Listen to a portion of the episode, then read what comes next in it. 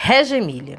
Reggio é uma cidade que fica no norte da Itália, que hoje aparece no cenário mundial por causa da educação infantil de 0 a 6 anos. A grande sacação dessa educação foi o trabalho com as várias linguagens das crianças, a valorização e organização dos espaços, o trabalho colaborativo dos profissionais da escola, juntamente com os pais. Em 1991, a revista New Week levou para o mundo a educação de Reggio Emília como um referencial a ser observado e também colocado em prática.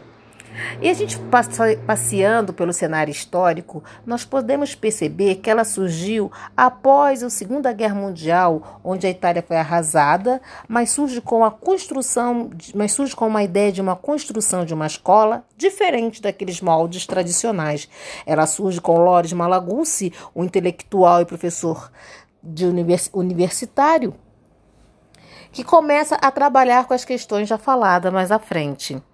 Como vimos, no centro da escola, as crianças interagem, fazendo suas atividades, também de caráter contínuo, e usam todas as suas maneiras de expressar, e as turmas se dividem em grupo. A escola tem uma atelierista, cozinheira, uma professora e uma pedagoga, que são as educadoras que formam a equipe.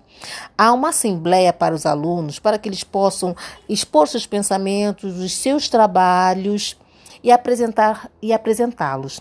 A escola preza pelo trabalho em conjunto, buscando a interdisciplinaridade e criando suas crianças para que elas conversem e discutam e façam perguntas para uma sociedade futura, construindo as suas coisas, inclusive a sua identidade.